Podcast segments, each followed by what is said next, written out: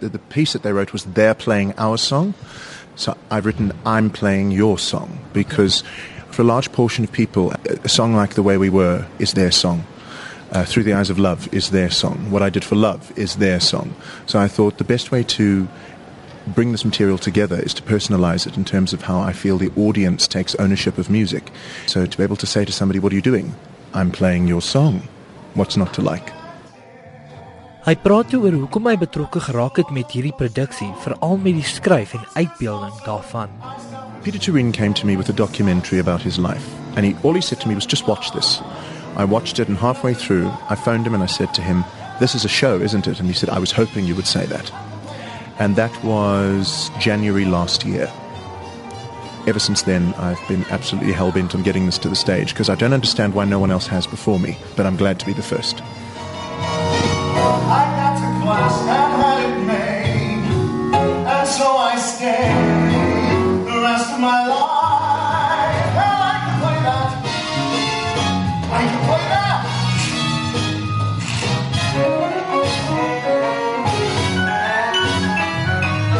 Jonathan praat oor hoekom hy besluit het om hierdie produksie te doen en of sy talente en ervaring iets daarmee te doen het. You know, his music is challenging for anybody. In terms of your abilities, you need to have a very quick musical ear for this material. It is a hell of a challenge. But um, I like to think that where I'm perhaps not as, a, as much of a genius in certain areas where he was, I'm perhaps adding it up in areas where he wasn't as well. Hy vertel toe wat die moeilikste deel was van hierdie produksie skryf. It wasn't difficult. His life was so fairy tale like, it wrote itself. I've written many shows before that were very hard. This literally came together on its own. I just happened to be printing the pages.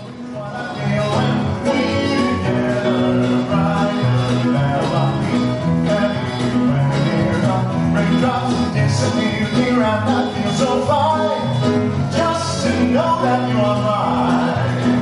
My life is sunshine, like pops and rainbows. That's how history.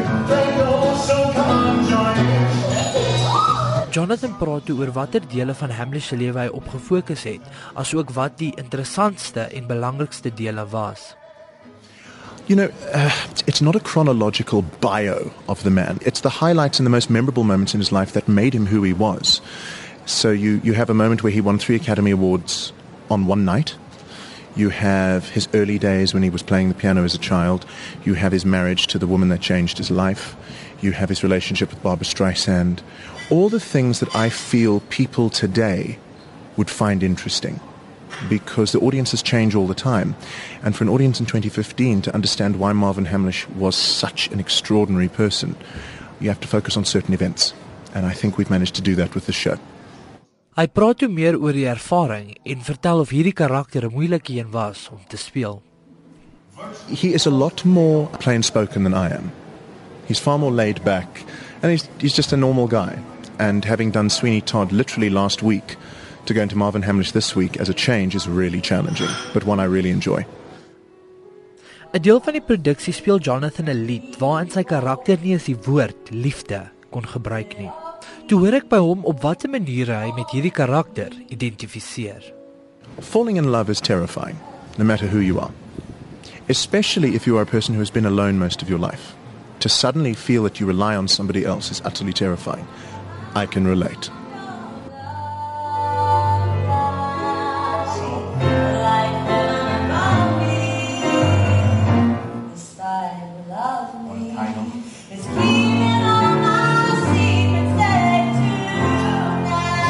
Ek het ook by Jonathan gehoor of hy voel of hy en die karakter enigiets in gemeen het.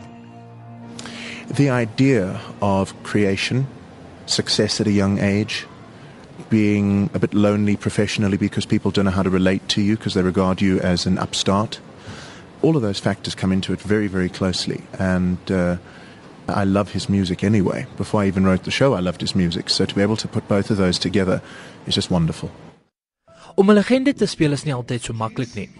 Jonathan vertel oor wat die gehoor van so 'n produksie verwag, asook watter terugvoer hy al gekry het. When people come to the show, you know, when I've done piano shows in the past, I've done a handful of keys, I've done my Liberace piano show, I've done some comedy piano shows, And in those shows, you scream with laughter from beginning to end. It's quite an exhausting show to watch.